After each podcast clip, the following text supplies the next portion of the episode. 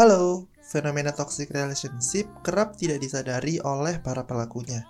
Hubungan ini juga membuat keduanya terjebak dalam suatu lingkaran setan yang sebenarnya merugikan kedua belah pihak. Bagaimana ciri-ciri hubungan ini? Simak pembahasannya di podcast kali ini.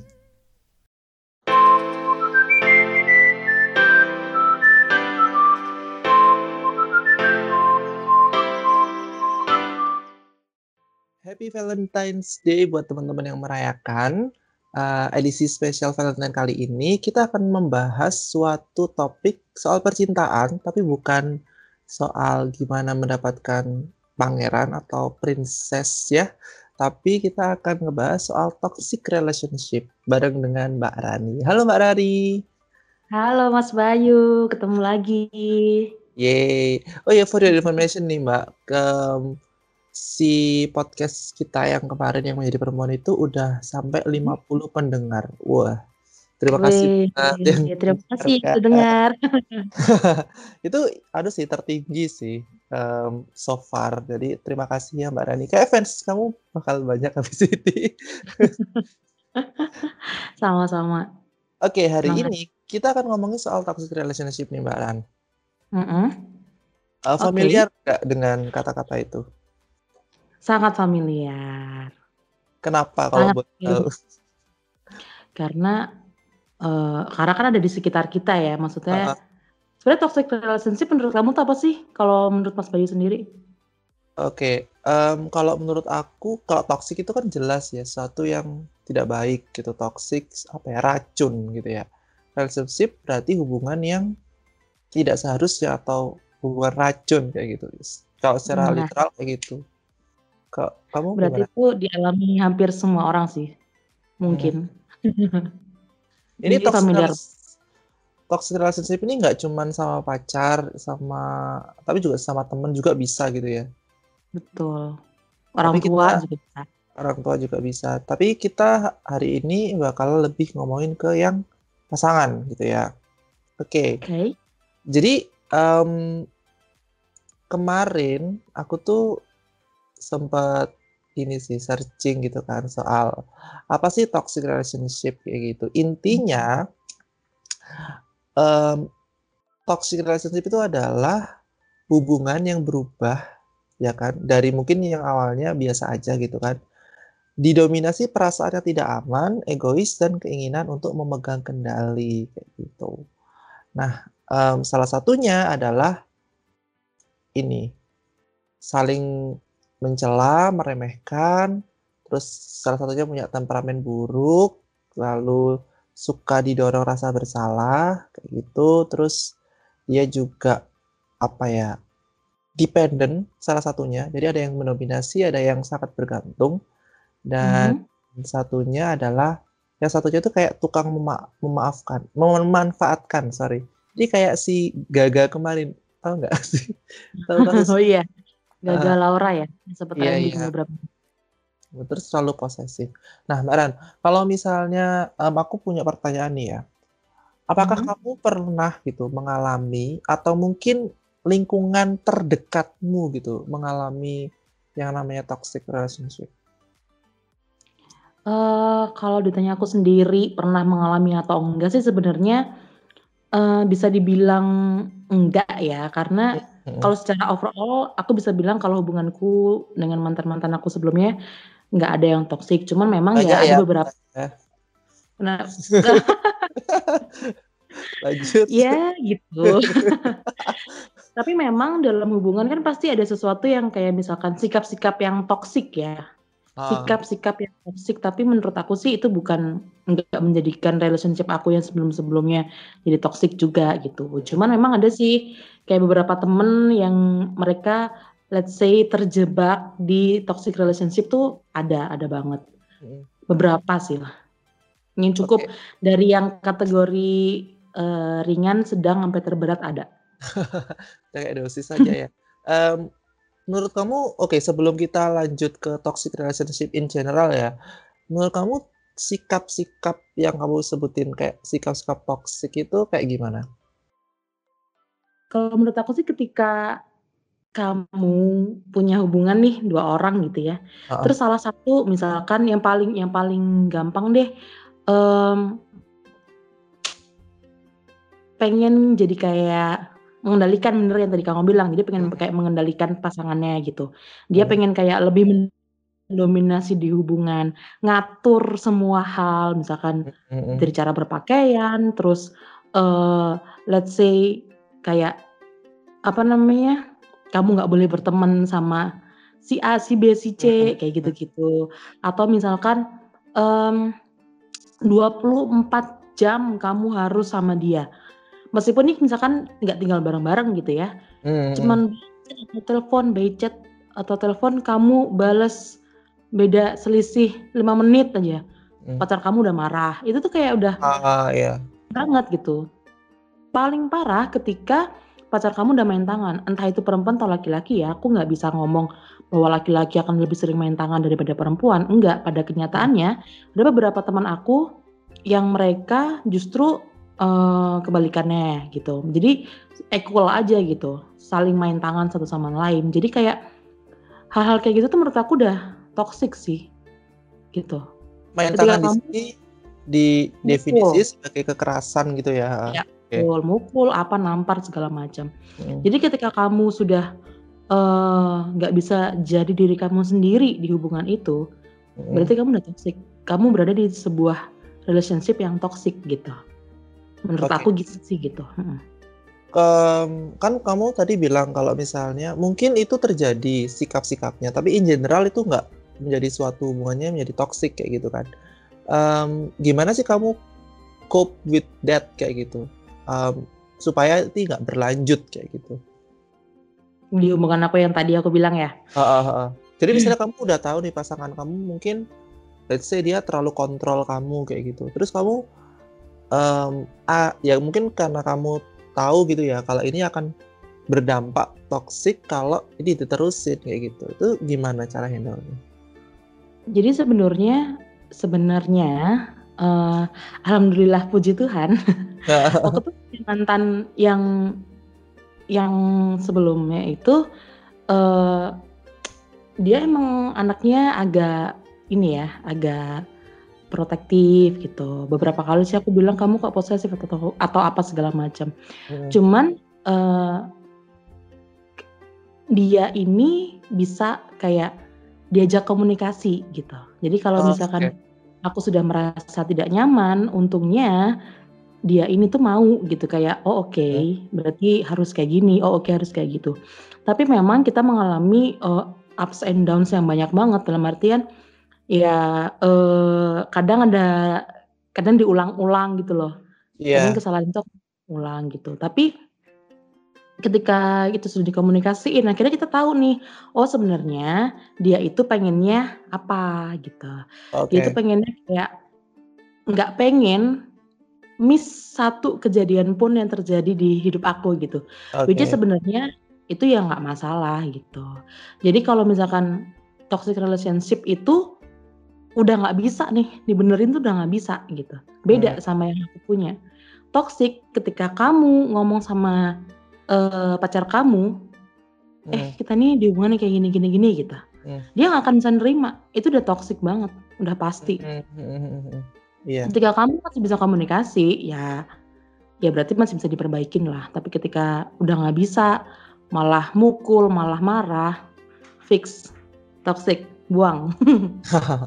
Oke, mmm, itu s kalau Mbak Rani ya. Kalau misalnya ngomongin soal toxic relationship in general yang mungkin, eee, punya sahabat atau mungkin keluarga, kerabat gitu ya, yang mengalami mhm. toxic relationship kayak gitu.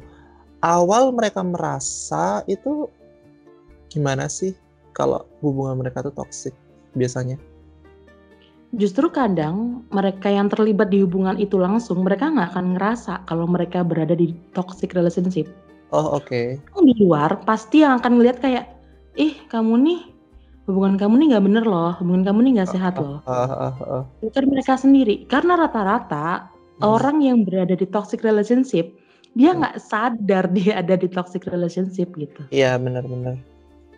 Jadi, ya kalaupun mereka akhirnya sadar, kita sebagai orang luar tuh yang harus ngingetin. Karena Mhm. dia nggak akan pernah sadar. Apalagi kalau misalkan, mmm let's say mereka sudah tergantung satu sama lain ya, Iya. itu akan lebih susah gitu. Karena aku ada nih punya temen ya yang mereka memang hidup bersama ya, living together lalu pola, eee, hubungannya mereka itu benar-benar toxic banget mulai dari Iya. mmm, yang saling pengen ngontrol, mendominasi dan segala macam, Mmm. dua-duanya keras kepala, udah nggak bisa dibenerin dan sudah sampai ke main tangan gitu. Mhm Sampai ke pukul-pukulan, bukan salah satu mukul tapi bener-bener pukul-pukulan. Oke. Yang lihat, kita akan tahu nih ini hubungan nggak bener. Hmm. Mereka mereka bilang, "Enggak, ini memang caranya kita," gitu. Jadi Oh. mereka nggak sadar mereka ada di hubungan yang toxic. Tapi pernah ada yang sadar gitu nggak sih? Pernah, tapi memang harus, eee, butuh waktu ya, takes time untuk menyadari itu semua gitu. Karena biasanya Mhm. kalaupun dua-duanya bukan pelaku toxic ya, Mhm. misalkan nih si A pacaran sama si B, Mhm. si A suka main tangan, temperamennya tinggi banget dan segala macam, sementara si B di sini, di hubungan ini dia kan lebih lemah gitu. Di oke. hubungan yang kayak gitu, harusnya kan si B bisa dong keluar dari hubungan ini, Iya kan iya. gitu. Dia nggak akan karena dia nggak sadar, karena dia udah terlalu bergantung dan entah kenapa setiap orang yang ada di hubungan toxic relationship merasa bahwa gini, "One day aku bisa ngerubah dia." Ah, Gitu. oke. Dia Watak tuh nggak dia tuh nggak jahat kok sebenarnya, ini cuman caranya dia, dia tuh baik kok maksudnya. Jadi selalu ada excuse untuk itu gitu. Mhm. Sadarnya lama dan itu butuh orang lain. Atau kalau enggak ya keajaiban Tuhan lah, tiba-tiba dia sadar gitu. Oke, mmm, terus gini, untuk menemukan atau mungkin sebagai temen gitu ya, kamu dicurhatin gitu, terus kamu langsung tek gitu kalau misalnya ini tuh sesuatu yang toxic kayak gitu. Itu butuh berapa lama dan mungkin dalam tanda kutip "kecentok something" gitu mungkin temennya? Mmm, biasanya sih gitu. Jadi, eee, untuk beberapa temen aku yang dia menyadari sendiri ya, meskipun itu lama, dia menyadari sendiri, dia tuh kayak tiba-tiba kayak, "Hah? Kok dia bisa-bisanya nih kayak gini?" Gitu. Mhm mhm mhm. Pengalaman-pengalaman aku sih misalnya masalah uang ya. Kok dia bisa-bisanya tuh, eee, ngelakuin ini gitu, kayak ini udah nggak bener deh gitu. Itu memang cukup lama, cuman kalau aku nih ada temen yang curhat, biasanya, mmm, karena aku terbiasa untuk nanya, "Kamu maunya apa?" Nanya sama cerita sama aku, "Dia maunya apa? Mau cuma didengerin kah atau apa?" Gitu. Kalau menurut aku ini sudah membahayakan dia, ya aku nggak akan tunggu besok-besok untuk bilang, "Mendingan kamu cepet tinggalin hubungan," gitu. Tapi Mhm. kalau tapi kalau sebenarnya itu masalah masih bisa di apa ya, masih bisa dihub dibenahi gitu hubungannya ya, kayaknya sih aku akan bilang untuk, "Ya kalau misalkan kamu mau membenahi ya silakan," tapi aku selalu bilang untuk kasih deadline, gitu. Karena Mhm. waktu itu ya itu tadi, dia awalnya cuman posesif doang gitu Mhm. kan. Alibinya ya aku protektif sama kamu, entar dia kan pasti akan meningkat meningkat meningkat terus gitu. Mhm Jadi di sampai satu titik di mana nggak bisa ditolerir ya kalian tuh harus cut itu hubungan gitu, kalau aku tuh gitu. Mmm, oke. Mmm, ini aku mikirnya sih, kalau misalnya orang yang terjebak dalam toxic relationship ya, terus dia mungkin sebagai orang yang sangat bergantung terhadap pasangan tersebut. Kalau misalnya let's say aku, mmm, sangat diposesifin gitu sama pacar aku gitu, atau Mhm. mungkin aku sangat bergantung sama dia kayak kayak yang bucin banget tuh aku gitu. Itu Mhm. ada perasaan apa ya, harga dirinya itu rendah, kayak self esteem-nya itu low banget gitu nggak sih? Kayak kamu dicurhatin, kamu tuh eee, temen kamu tuh nunjukin banget kalau dia tuh sebenarnya kayak merasa dirinya itu kayak udah nggak berharga atau mungkin nggak punya motivasi atau kayak gitu-gitu nggak sih? Iya, udah pasti. Karena self esteem yang dia punya sebelumnya udah dimakan sama pasangannya yang mendominasi. Iya, bener. Jadi udah pasti itu.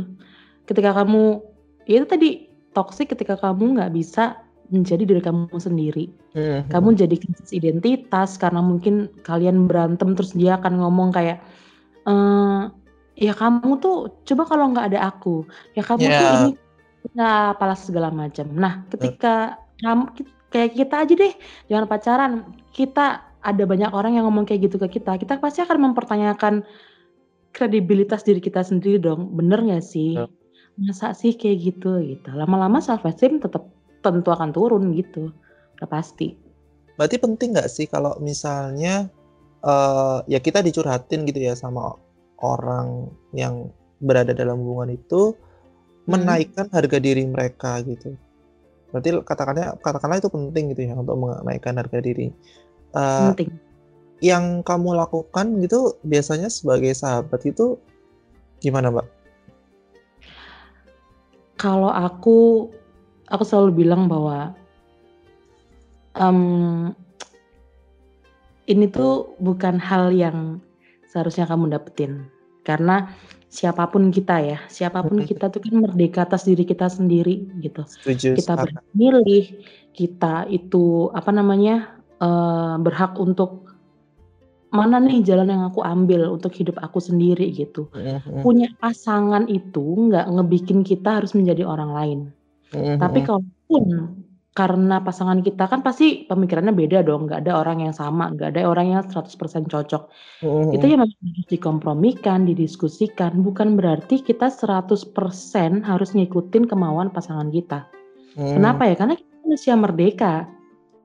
Nggak mm-hmm. ada orang yang boleh kayak misalkan uh, di prinsip aku ya, nggak ada orang yang boleh misalkan ngatur-ngatur kamu harus kayak gini gini gini gini, nggak ada. Apalagi sampai misalkan menjatuhkan harga diri kamu, kamu sampai kehilangan apa namanya um, kepercayaan atas diri kamu sendiri, kamu kehilangan kayak apa namanya pemik kamu punya pemikiran kayak aku nggak mampu ini, nggak mampu itu tanpa hmm. orang lain itu it's big no lah buat aku gitu. Okay. Jadi kalau misalkan ada teman aku yang cerita, pasti aku akan ngingetin bahwa ya kamu tuh harusnya mikirin kamu sendiri sebelum kamu mikirin orang lain. Yeah. Gimana bisa kamu mencintai orang lain kalau kamu tuh gak mencintai diri kamu sendiri gitu.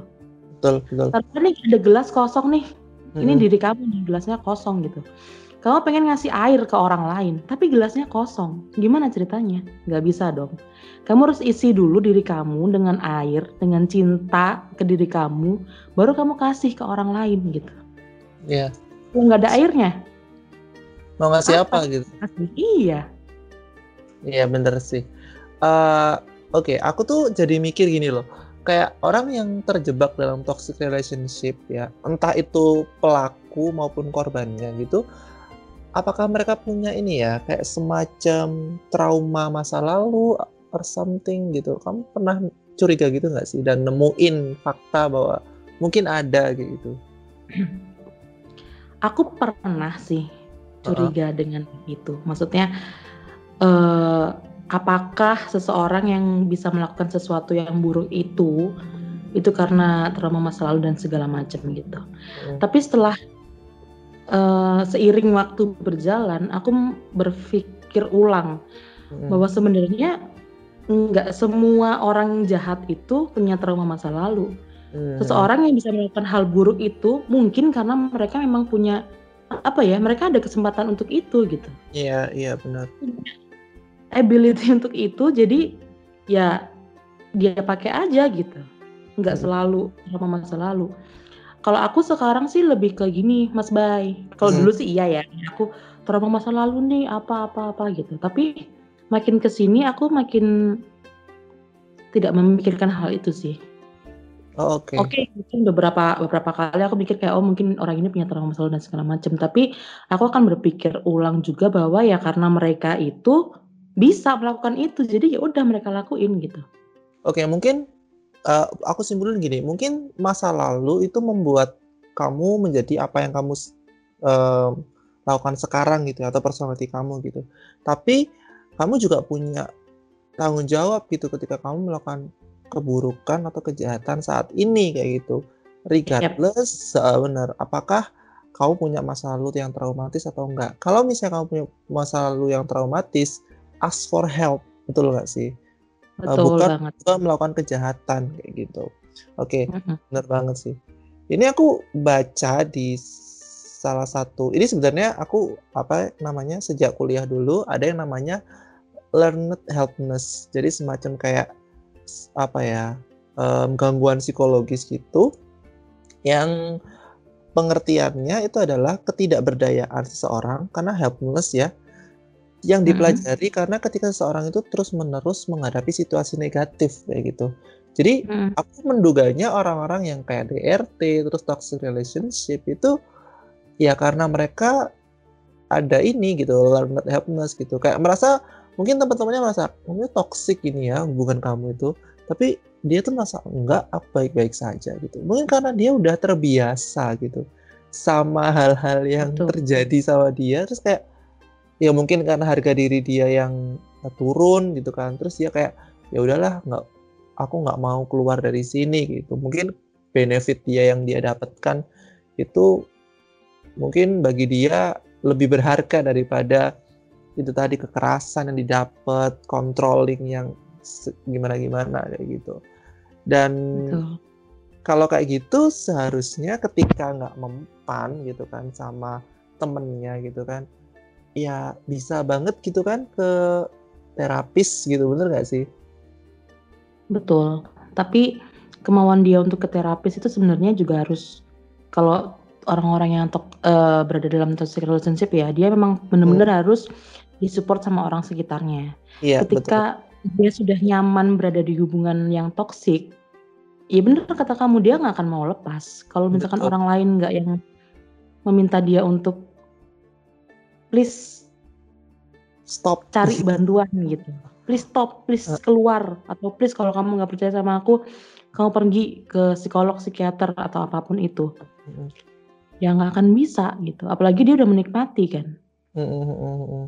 gitu. jadi uh, penting banget ya dukungan kayak entah itu keluarga teman kayak gitu dan um, oke betul.